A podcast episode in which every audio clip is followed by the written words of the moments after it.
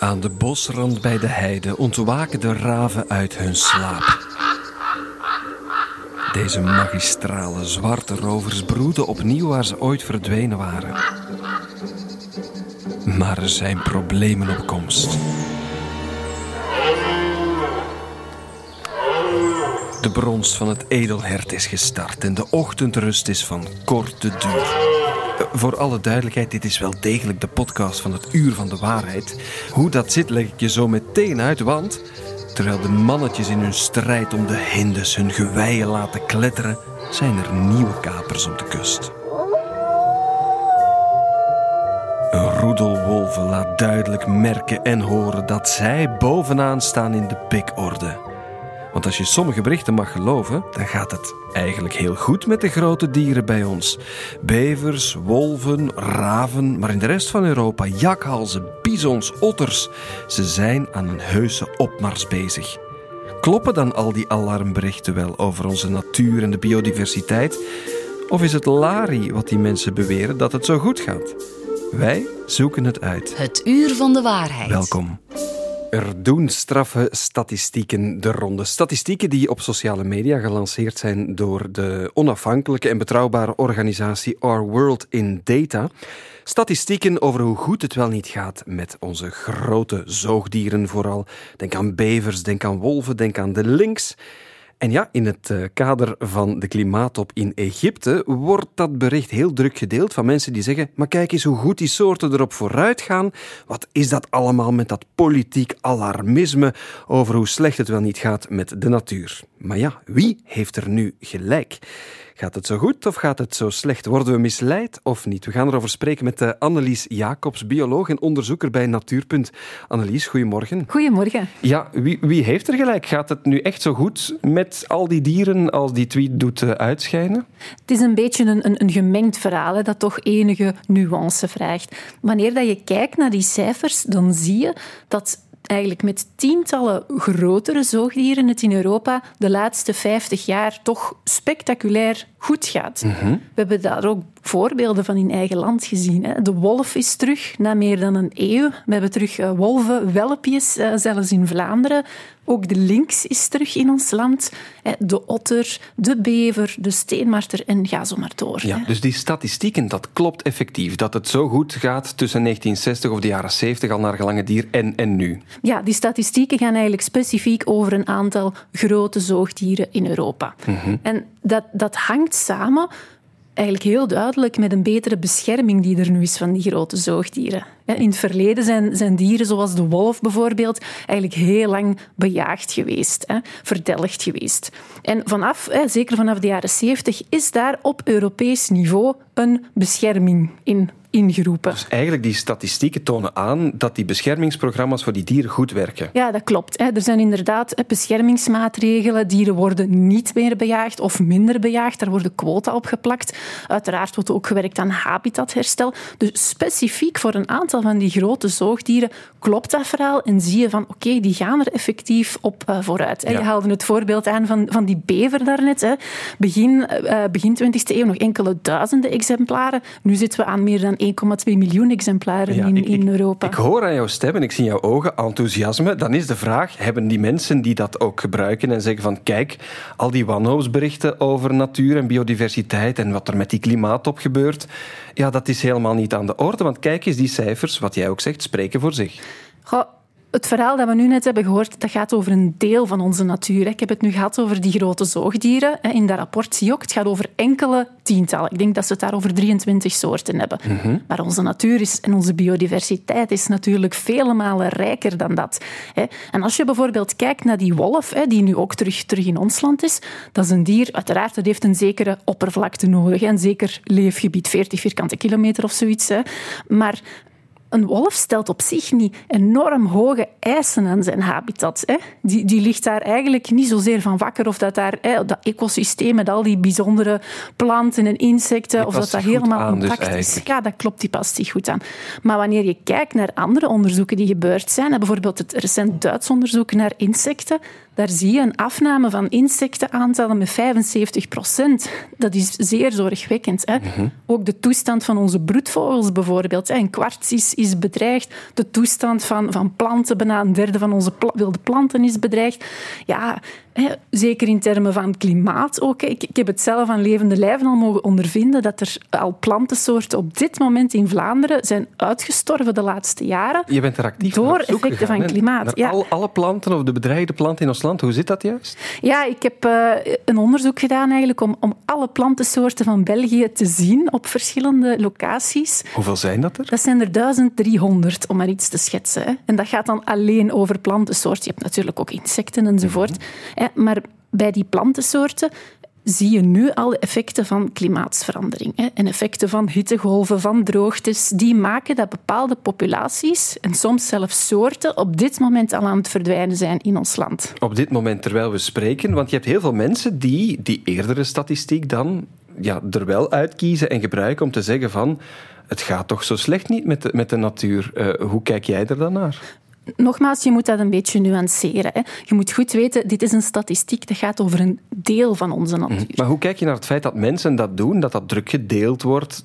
Dat is dan eigenlijk ja, een soort framing of een deeltje dat er maar uitgehaald wordt. Maar mensen gaan daar, daar duchtig op in natuurlijk. Hè. Dat wordt veel geliked, gaat zijn eigen leven leiden. Oh, Laat, laat het me zo zeggen. Ik ben heel blij dat er enthousiasme rond is. Hè. Ik bedoel, allez, ik zelf, ik loop daar helemaal wild van. Als ik, als ik s'nachts ga slapen, dan kan ik gewoon gaan slapen en, en dromen van ah, er loopt links door onze bossen. Hoe, hoe mhm. zalig is dat? En, en allez, weet je, ik sta elke dag op het terrein en ik kom elke dag in aanraking met populaties van planten, van insecten die, die gewoon ja, aan het verdwijnen zijn. En als je dan zo'n nieuws hoort van oké, de lynx is terug of de wolf is terug, ja, dat is wel een opkikker. Dus op zich vind ik het wel fijn dat mensen zich daaraan een stuk optrekken, zeg maar. Mhm. Maar we vergeten soms dat de natuur wel heel erg rijk is. En misschien is dat iets dat we een klein beetje vergeten zijn. Dat het, het gaat niet alleen om die grote dieren. Het gaat echt over een hele rijke natuur.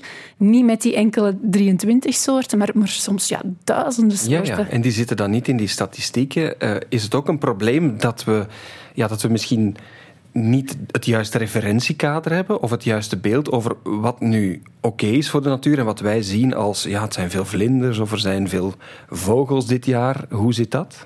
Er is zo'n fenomeen dat men ook wel eens shifting baselines noemt. En, en dat beschrijft dat ons, ons referentiekader voor natuur aan het veranderen is. Hè. En, en dat, dat mensen van, van jongere generaties, waar ik mezelf nog net toe, toe reken voorlopig, dat die niet altijd niet meer weten hoe rijk en hoe divers onze natuur was een paar generaties geleden. Kan, kan je dat met een voorbeeld staven? Of, of een soort die we allemaal kennen, waarvan wij denken, ja, er waren er toch veel afgelopen zomer of winter, terwijl dat eigenlijk in historisch perspectief misschien ja, een fractie is van wat het oh, ooit was? Ik, ik vergelijk dat soms. Hè, bijvoorbeeld vroeger als ik een, een fietstochtje ging maken, hè, nog niet zo heel lang geleden bij mij in de buurt, en ik zag ergens op een akker of een weiland een kievit, hè, dan was ik kei enthousiast. Wauw, een kievit in het voorjaar en die gaat broeden en die heeft zo van die kleintjes, zo van die pluizenbolletjes mm die je mhm. ziet lopen. Ah, wauw, super, hè, een broedende kievit. Wauw. Maar dan hoor je van, van mensen die daar eigenlijk al ja, decennia rondlopen van ja, als ik jong was, hadden hier wel tientallen nesten met kieviten. Dus het feit dat je er eigenlijk nu nog maar eentje ziet, dat is helemaal niet zo'n goed nieuws. Dat is zelfs redelijk ja, dramatisch dat het maar zo weinig is. Ja, ja, ja. Maar, ik heb dat kader niet meer mee, zit je? En dat is wel wat vaak naar voren komt. Dan natuurlijk, het gaat goed deze zomer met die vlinder of met dat, maar eigenlijk eh, is ons beeld dan vertroebeld. Hoe belangrijk is dan wat er nu in Egypte ja, geprobeerd wordt te bereiken, die klimaattop, als het gaat over biodiversiteit? Ja, dat is zeer belangrijk. Ik haalde daar net al het voorbeeld aan. Bijvoorbeeld van de dennenwolfsklauw. Wolfsklauwen, dat is een, een, een groep primitieve planten die heel kwetsbaar is voor die droogte, die nu al aan het verdwijnen zijn. Aan de andere kant zien we ook nieuwe soorten toekomen in België. Hè. Bijvoorbeeld de reuzenorchis, dat is een orchidee die wel een halve meter hoog kan worden. Zuidelijke soort die zich snel kan verspreiden met stofzout. Dus we zien nu al eigenlijk in België dat die soortgemeenschappen een stuk aan het veranderen zijn. Aan de ene kant ja, zijn we toch dingen aan het kwijtraken die hier al eeuwenlang voorkomen. Aan de andere kant zien we signalen van zuidelijke soorten die komen. Dus die klimaatverandering die is hier, die heeft een impact. Dus ja, de maatregelen die nu genomen gaan worden, die zijn wel broodnodig voor de toekomst van onze biodiversiteit. Mhm, want er zijn heel veel mensen op een, op een heel klein niveau mee bezig, die zien wat er rond zich gebeurt. Denk ook aan die tweets uh, over het feit dat het gaat goed met die grote dieren. Hoe erg uh, is die, die biodiversiteitscrisis op dit moment, los van die klimaatcrisis dan misschien? Ja, die is toch behoorlijk ernstig. Hè? Dat, dat hoor je toch van de mensen die daar dagelijks mee bezig zijn. Nu, er worden zeer veel inspanningen gedaan om leefgebieden van soorten te herstellen, hè? maar ook ontsnipperingsmaatregelen nemen. Hè? Je hoort heel vaak over maatregelen voor grote zoogdieren, hè? over het aanleggen van ecoducten, gebieden met elkaar verbinden. Superbelangrijk. Maar ook voor die kleine dieren zijn die verbindingen belangrijk. En een klein dier die slaagt er soms zelfs niet in om, om één baan over te steken, zeg maar. Mhm. Dus in ons versnipperd Vlaanderen hebben we toch best wel wat werk om grotere leefgebieden te maken en om, om populaties terug ja, met elkaar te verbinden, zeg maar. En dan tot slot misschien, we zijn vertrokken van desinformatie en misleiding of foute cijfers. Ehm, als het gaat over die soorten die terugkomen, bijvoorbeeld de wolf, ook daar wordt heel veel over verteld. Dat lijkt vaak ook op stemmingmakerij. Voorstanders, tegenstanders, elk met hun eigen argumenten. Hoe moeilijk is het voor jullie, vanuit Natuurpunt bijvoorbeeld, of vanuit de wetenschap als biologen, om dan ja, de juiste informatie ergens te krijgen of te weerleggen?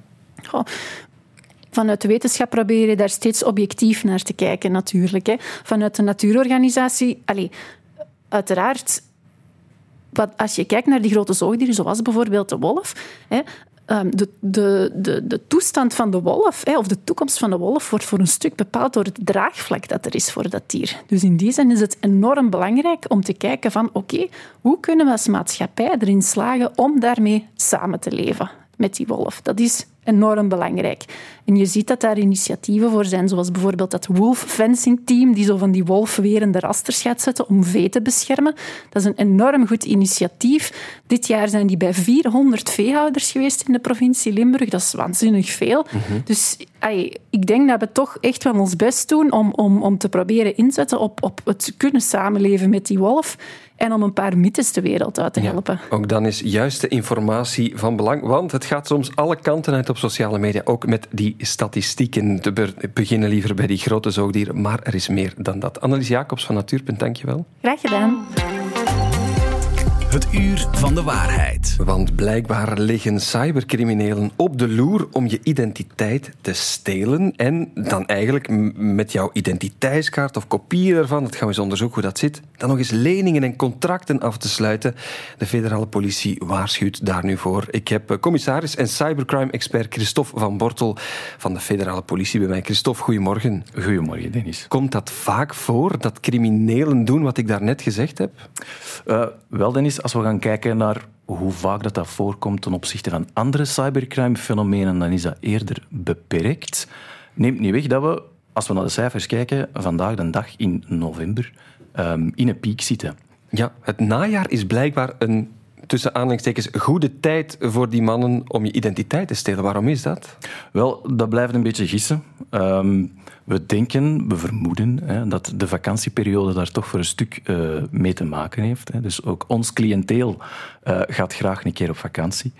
Um, wat we dus zien is de trend dat in uh, de zomer dat er een uh, sterke daling is en dat vanaf september dat, dat wordt opgepikt. Ja, dan zitten we binnen, achter onze computer, ook die criminelen. Want laten we met het begin beginnen. Ze stelen mijn identiteit. En dat heeft met mijn identiteitskaart te maken. Hoe gaat dat? Ja, dat klopt. Dus dat is een sleutelkenmerk van die identiteitsfraude. Hè. En om duidelijk te zijn, we spreken over identiteitsfraude online. Mm -hmm. En dan stelen ze een kopie van een identiteitsbewijs. Dus dat kan uw identiteitskaart zijn, maar het kan ook een paspoort zijn of een rijbewijs. En hoe komen ze aan die gegevens? Ja, um, daar zitten redelijk wat creatievelingen tussen. Uh, we zien ook dat het niveau van professionaliteit van die mensen enorm is toegenomen sinds corona. Ja, dat heeft er natuurlijk mee te maken dat iedereen binnen moest zitten. Dus ook de mensen die dat, uh, hun geld verdienen uh, ons op te lichten, met de brave burger op te lichten. Dus die zijn andere technieken beginnen zoeken. En die zijn er dan um, in geslaagd van identiteitsfraude een, een, een, extra dimensie te geven. Het is te zeggen, um, zij gaan te werk op websites, gaan zij proberen van uw identiteitskaart vast te krijgen. En dat kan, we zien dat dat heel vaak voorkomt bij tweedehands. Dus het, het, aankopen en verkopen van online goederen. En dan, dan vragen die mensen, hey, wil je eens een kopie sturen of, of een foto? Of wat, wat gebeurt er dan concreet? Wel, het klassieke verhaal dat zij gebruiken, is dat zij slachtoffer zijn geweest van oplichting. En dus alle vertrouwen kwijt zijn in ehm, het, het, verhandelen op het internet. Mhm. En dat de enige manier waarop dat zij het vertrouwen zouden kunnen terugkrijgen, is dat uh, de persoon waarmee ze aan het onderhandelen zijn, uh, die zijn identiteitsgegevens overmaakt. Bewijs maar eens dat je echt bent uh, en dan, dan vragen ze echt een kopie van je identiteitskaart. Dat klopt. Dat is dus... geen slim idee dan om dat te doen, als ik jou zo hoor. Nee, absoluut niet. Dus de eerste vraag die men zich eigenlijk zou moeten stellen wanneer men um, de vraag krijgt om zijn identiteitskaart over te maken, is ja, waarvoor dient dat nu? Is dat enkel om die vertrouwensband te creëren, waar dat dan -hmm. oplichters toch vaak op inspelen? Ja, dan is dat not done. Nee. GDPR-gewijs, onze persoonsgegevens zijn beschermd. Um, dus dat is, daar is een wettelijk kader voor. We zijn ook niet verplicht om die zomaar te delen. Nee, niet iedereen zit op die tweedehandsplatformen. Hoe komen ze nog aan kopie daarvan? Wel, hè, zoals gezegd, ze zijn redelijk creatief. Um, ook op um, platformen waar vacatures worden aangeboden, zien we dat men vacatures aanbiedt en vraagt om identiteitsgegevens in te scannen en over te maken. Um, dat zijn dan valse vacatures, dus die mensen jammer genoeg solliciteren die voor een onbestaande job, mm -hmm. maar die zijn wel hun identiteitsgegevens kwijt. Ja, ook daar dus nooit doen. Um, hoe kan ik weten ja, of dat eigenlijk malafide mensen zijn die dat vragen of anderen? Zijn er mensen in de samenleving die wel kopieën mogen vragen van mijn identiteitskaart? Ja, um, als we gaan kijken naar hotels en dergelijke om identiteiten te verifiëren, dan zijn zij wel wettelijk, uh, mogen zij uh, die identiteit verifiëren. Het is te zeggen, um, die eerste vraag, waarvoor dient het? Hè? Dat is een hele belangrijke vraag. Um, en in, in, in 99% van de gevallen is dat gewoon niet nodig om die identiteitsgegevens te delen. Ja, ik, ik heb het ook ooit meegemaakt. Ik vond dat ook verregaand om, om een, een bedrag terug te krijgen in, in een winkel, wat ik te veel betaald had in hun kassasysteem. Ik heb dat ook niet gedaan en dat moest dan uiteindelijk ook niet. Voor alle duidelijkheid, wat doen die mensen dan met die identiteit? Want het gaat heel ver, hè, wat ze doen eens ze die gegevens bemachtigd hebben. Ja, dat klopt. Hè. Dan kunnen zij bijvoorbeeld telecomabonnementen in naam van, uh, van u afsluiten. Um, het is minder vaak voorgekomen. Wat nu wel opvallend was, was dat er zelfs energiecontracten werden afgesloten. En over welke naam van gaat het dan allemaal? Of, daar, daar moet ik u, u, het antwoord schuldig op blijven. Um, als het gaat over die telecomabonnementen, dan is dat um, een beetje een dubbele slag dat die criminelen uh, slagen. Het is te zeggen, um, zij hebben al langs de ene kant kunnen zij gebruik maken van een klassiek abonnement mm -hmm. uh, dat ze vrij mogen gebruiken, maar heel vaak had zo'n provider naast het abonnement ook nog een toestel uh, aanbieden tegen een aanzienlijke korting wanneer dat zo'n abonnement wordt afgesloten. En dus slagen ze twee keer uh, mm-hmm. erin van um, langs de kassa te passeren. Ja, ik denk dan, in coronatijden hebben we dat allemaal vaker moeten gebruiken. Die It's Me-app om je identiteit te verifiëren, is die dan ook helemaal veilig? Ja, dus It's Me-app, dat is een, een externe partner die eigenlijk dient als een soort tussenpersoon om uw identiteit te verifiëren. Uh, wij werken in het kader van verschillende cybercrime-fenomenen um, ook al samen met uh, It's Me. Um, dus dat is een, een partner van dus ons. dat is altijd veilig als we zo onze identiteit moeten uh, laten checken. Dat kunnen we dan weten. Wel, het, is, het ja? gebruik van het platform is veilig, maar als je natuurlijk een link krijgt die u naar een phishing-website afleidt, waar en phishing, dat is dan een website die vals is, mm -hmm. waarbij dat het lijkt alsof dat je toegang krijgt tot een bepaalde hè, andere applicatie, zoals je bankapplicatie. Ja, dan gaat je wel gebruik maken van een veilig platform om je identiteitsgegevens te delen. Dus uh, waakzaamheid nog altijd geboden, onthoud ik. Uh, je kan ook heel het verhaal en alle tips nalezen op de website van VRT Nieuws. Ja, Christophe van Bortel van de Federale Politie, dankjewel om langs te komen en voor de waarschuwing. Graag gedaan, Dennis. Het uur van de waarheid. De hitlijst waar je meetelt. Jawel, we gaan uitpakken met een hitlijst in het uur van de waarheid, namelijk de top 10 van meest gebruikte wachtwoorden en paswoorden in ons land. Ik heb iemand erbij die er alles van weet. Collega Doreen van Meldert van de redactie. Doreen, goedemorgen. Goedemorgen. Ja, wat heeft de top 10 gehaald? Wat typen we zo al in als zogezegd veilig wachtwoord? Wel, op nummer 1 staat de cijfercombinatie 1, 2, 3, 4, 5, 6. Een hele simpele combinatie zou je denken, maar in de top 10 staan ook nog wel wat andere, uh, ja, toch opvallende of minder opvallende woorden. Namelijk het woord paswoord, okay. uh, Azerti, de naam Sonja en ook nog um, 30, 30, 30 blijkbaar. Oké, okay, en Sonja is ook populair. Dat ja. klinken wel, met alles wat er al vaak gezegd is, belachelijk simpele wachtwoorden, hè? Ja, inderdaad. En dat is eigenlijk gebleken uit een uh, studie van de wachtwoordbeheerder NordPass, uh, die eigenlijk over heel de wereld is gaan kijken uh, welke wachtwoorden het populairst waren dit jaar. En voor ons land is dus het populairste 1, 2, 3, 4, 5, 6. Iets heel simpel. En wereldwijd zou vooral paswoord het, belang, het populairste zijn. Ja, ik kan me voorstellen dat hackers daar heel weinig tijd aan zullen spenderen om dat te kraken. zijn er tips, dingen die we beter kunnen doen dan Sonja of 1, 2, 3, 4, 5? Ja, nu, we kennen denk ik allemaal zo'n beetje de klassieke tips. Dat je best een lang wachtwoord, een sterk wachtwoord maakt. Hetgene wat men dan vaak zegt is, gebruik zeker 13 tekens, kleine letters, grote letters, symbolen, cijfers. Maar het is eigenlijk ook vooral belangrijk dat je voor de verschillende accounts die je hebt niet hetzelfde wachtwoord altijd gebruikt. Dat je dus een beetje varieert, zeker als het gaat over ja, wachtwoorden voor je mailinbox bijvoorbeeld, of ik zeg zomaar iets, je bankgegevens waar uh, mensen die kunnen vinden. En een andere tip die ik daar eigenlijk ook over heb, als je verschillende wachtwoorden wilt gebruiken, um, is dat je een wachtwoordkluis kan gebruiken. En dat is een systeem dat voor jou verschillende accounts een uniek eigen wachtwoord creëert, maar je hoeft zelf maar één wachtwoord te onthouden. Ja, ik heb dat denk ik bij, bij Google. Als ik mij inlog via Gmail, dan stelt hij altijd zelf van die heel rare, on, ja, altijd paswoorden voor die je zelf niet kan onthouden. Maar als ik alleen mijn Gmail-paswoord weet, dan vult hij dat vanzelf in. Is dat zoiets? Ja, ongeveer eigenlijk wel, ja. Oké. Wat ook tegenwoordig vaak voorkomt, zeker als ik ook voor de VRT moet inloggen, en mensen zullen dat misschien ook herkennen, is dat je niet alleen moet inloggen, maar dan ook nog eens een code die op je gsm verschijnt, zo'n tweestapsverificatie. Ik vind dat heel lastig en gedoe. Maar dat is blijkbaar nodig, Doreen. Ja, het is inderdaad wel best lastig. Ik hoor dat ook van heel veel mensen. Ik vind dat zelf ook niet meteen het leukste of zo van mijn werkdag. Nu, het is wel een van de beste manieren om je accounts te beveiligen. Um, zoals het woord het eigenlijk zelf zegt, je logt in op twee, in twee stappen. Eerst moet je je e-mailadres en naam en wachtwoord ingeven. En daarna krijg je vaak nog een code op je gsm die je dan moet ingeven. Of moet je bijvoorbeeld een vingerafdruk geven. Nu, dat is inderdaad lastig. Dat is zo'n ja, een paar seconden van je tijd die je toch weer kwijt bent. Maar ik heb daarover gesproken met de directeur van het CCB, het Centrum voor Cyberveiligheid in ons land. En hij zegt daarover het volgende.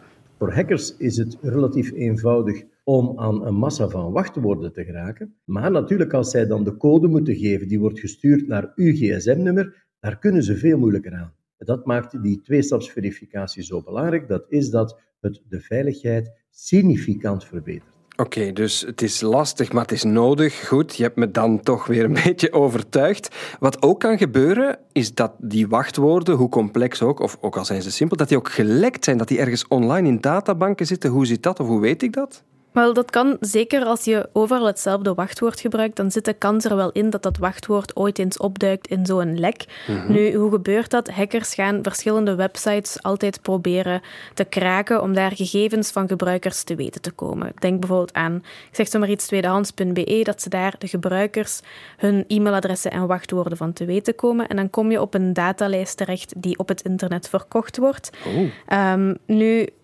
hackers gaan dat onder elkaar verkopen en gebruiken. En zo kunnen ze dus wel toevallig op jouw wachtwoord terechtkomen. En dat gaan ze dan op verschillende accounts gaan proberen om dan ook in te loggen in jouw naam. Je kan daar ook zelf achter komen wanneer dat jouw wachtwoord en e-mailadres in zo'n datalek is terechtgekomen. Ik heb Hoe daar, dan? Ja, ik heb daar twee websites voor gevonden. Um, de eerste website heet Have I Been Pawned? En pawned schrijf je P-A-W-N-E-D. En als je daar je mailadres ingeeft, kan je zien um, in welk, voor welke datalekken jouw gegevens um, ja, te voorkomen, vinden zijn, ja, ja. voorkomen. En de andere website is Monitor Firefox. En daar moet je ook weer jouw e-mailadres of soms zelfs jouw gsm-nummer ingeven. En dan vertellen ze op welke websites jouw uh, gegevens zijn gelekt geraakt. Okay. Have I been pwned of uh, Monitor Firefox? Goede tips al denk ik dat er nog altijd heel veel mensen zuchten van oh, zo complex, zo moeilijk, dan is er misschien ook hoop. Want blijkbaar zou het kunnen dat we binnenkort al die complexe wachtwoorden niet meer nodig hebben en toch is het veilig. Hoe zit dat? Ja, inderdaad. Uh, dit jaar in mei hebben de techbedrijven Microsoft, Apple en Google aangekondigd dat ze, willen, dat ze willen samenwerken aan een wachtwoordloze toekomst. Dus dat je eigenlijk kan inloggen, dat je bij het inloggen geen wachtwoord meer nodig hebt. Nu, ze zijn nog volop aan het uitwerken hoe dat in zijn werk zou gaan, maar wat ik al heb opgevangen is dat ze eigenlijk vooral met jouw smartphone zouden willen werken Wanneer je dan die ontgrendelt, kan je tegelijkertijd inloggen op websites en andere platformen, zoals apps en digitale diensten als jouw mailinbox. Maar dat zit er wel aan te komen, maar ik denk dat het binnen een jaar of zo um, voorgesteld zou worden. En tot die tijd, heel goed, dus probeer je best te doen met al die kluizen en complexe wachtwoorden om ervoor te zorgen natuurlijk dat ze niet aan de haal gaan met kostbare gegevens of logins of allerlei handen, allerhande toestanden. Heb je toch nog 1, 2, 3, 4, 5, 6 of Sonja als paswoord, dan zou ik zeker eens nadenken. Stond jij in de top 10, Doreen? Heb je iets herkend van jouw paswoorden? Nee, gelukkig niet. Oké, en anders zou je het ook niet zeggen, want dan konden wij er ook weer in, waarschijnlijk. Doreen van Melder, dankjewel. Graag gedaan. Het uur van de waarheid. De checkers.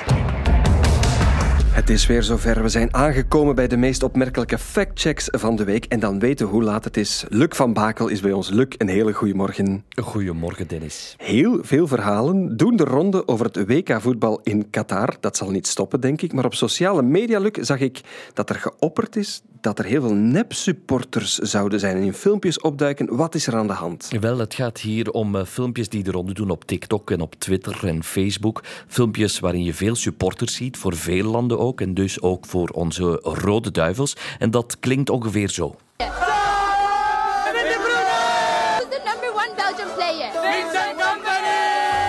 ze zijn zeer enthousiast. Ik hoorde de bruine Hazard Company. Die is wel gestopt met voetballen, denk ik, Luc. Uh, die, die, is inderdaad al uh, een aantal jaren gestopt. En wat zie je in die filmpjes ook? Uh, je ziet eigenlijk vooral Aziatisch ogende mensen in rode duivels t-shirts aan met een Indisch klinkend accent. En dus ja, meteen werd er op het internet gezegd van ja, dat zijn fake supporters, betaald of gedwongen door het regime om toch maar de schijn te wekken dat het WK daar erg leeft. Maar toch opmerkelijk, het zou best ook wel eens om echte supporters kunnen uh, gaan hier. En dat heeft alles te maken met de vele gastarbeiders uit onder meer Indië die in Qatar aan de slag zijn. Dat zegt de factchecker Rien Emery. In die landen heb je ook een voetbalcultuur, heb je ook voetbalfans. Maar de Indiase nationale ploeg doet het niet zo goed op het internationaal niveau en heeft zich nog nooit kunnen kwalificeren voor een WK. Daarom heb je dus uh, heel veel supportersclubs van internationaal bekende voetballers. Van Messi van uh, Ronaldo, maar dus ook van onze Rode Duivels, die ook bij internationale topclubs zijn gaan spelen. En het komt dus voor dat op een WK, als men daarin wil meeleven als, als voetballiefhebber in uh, Zuid-Azië, dat men een ploeg kiest waar je dan toevallig een speler in herkent die bij jouw favoriete team speelt. En er bestaan dus echt supportersclubs met duizenden leden van Indiase fans van de Rode Duivels. Oké, dus in India zijn onze Rode Duivels ook populair. Fanclubs, het zou dus echt kunnen zijn, Luc. Eh, dat zou zeker kunnen. Het zijn zeker niet allemaal nepbeelden. Eh, deze week dook er dan nog een, een extra filmpje op eh, die die stelling eigenlijk nog wat kracht bijzet. En in dat filmpje zie je een supporter het veld opstormen tijdens een training van onze Rode Duivels. En het bleek uh, effectief om een supporter van De Bruyne te gaan en van Manchester City, die een handtekening wil. De VTM kon de man voor uh, de camera krijgen. You cannot go on the pitch like that, hè? What I do? I do, he not let me. I tell him I want De Bruyne selfie, no. Only sign. Huh? Wat mensen? Wat I do? Ja, de man begrijpt niet wat hij fout gedaan heeft. Het was in Kuwait allemaal tijdens training. Benieuwd wat er met die man ook gebeurd is. Uh, ja, samengevat, Luc. Zijn die supportersbeelden echt? Zijn het echte Aziatische supporters van onze Rode Duivels? Wel... Dat zou goed kunnen. Het voordeel uh, van de twijfel. Al moeten we dus ook zeggen dat er ongetwijfeld ook wel dingen in scène gezet zullen worden in Qatar. We blijven in Oosterse sferen, want je neemt ons mee naar Iran. Al maanden zijn daar protesten aan de gang. En deze week deed het verhaal de ronde dat er 15.000 demonstranten ter dood veroordeeld zouden zijn. Klopt, het is een bericht dat uh, werd gedeeld uh, door politici in Canada, door rocksterren zoals uh, Peter Frampton. Kortom, dat bericht is de hele wereld rondgegaan.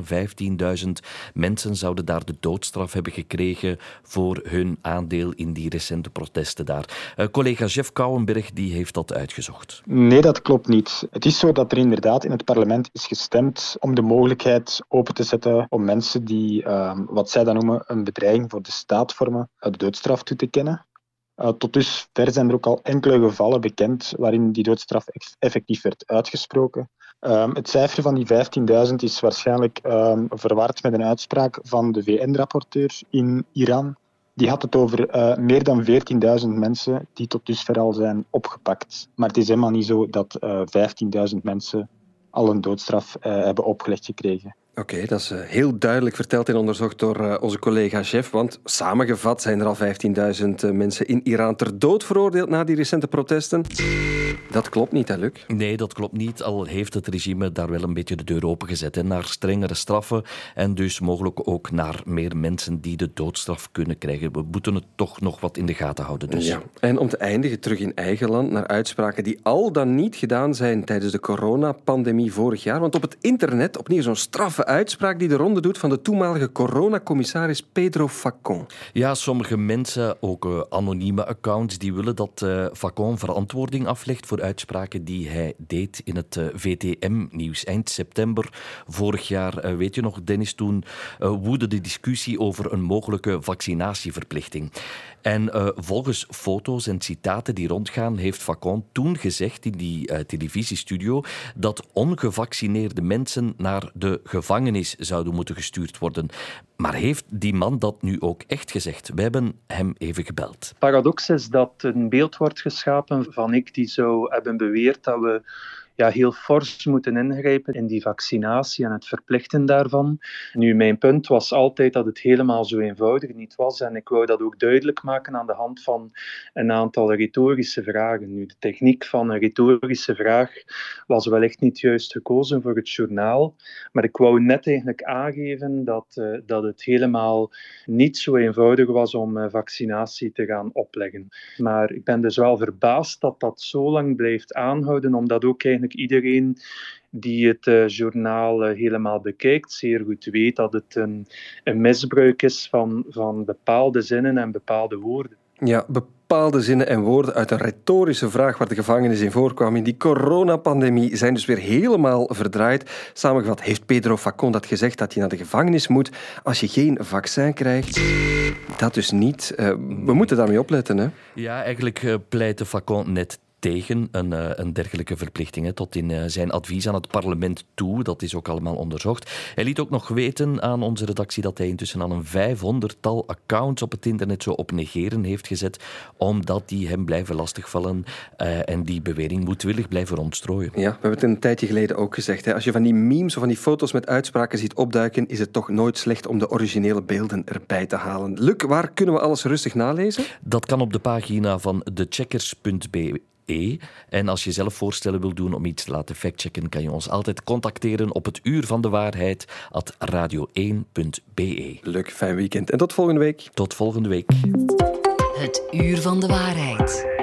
Het WK in Qatar is ook een boemerang die nog vaak zal terugkomen de komende weken. Uh, exact een, uh, wat is het, een uh, weekje geleden, denk ik, hadden we hier iemand te gast. Een supporter van de Rode Duivels, die op weg was naar Qatar. Het was iemand, Pieter Verbessel, die was uitgenodigd om naar Qatar te gaan en hij kreeg van alles betaald. Inbegrepen zijn onze vlucht naar Qatar en terug. Um, het verblijf wordt geregeld door Qatar en we krijgen ook een uh, kleine alimentatie voor eten en drinken tijdens de dag. Hoeveel bedraagt die ongeveer? Uh, dat is uh, een kleine 70 euro per dag. 70 euro per dag, maar wat lezen we vanmorgen in de krant The Guardian, een Britse kwaliteitskrant, dat Qatar ja, dat krediet, dat dagelijkse zakgeld, dan toch maar heeft teruggetrokken na heel veel kritiek en omkopingsgeruchten.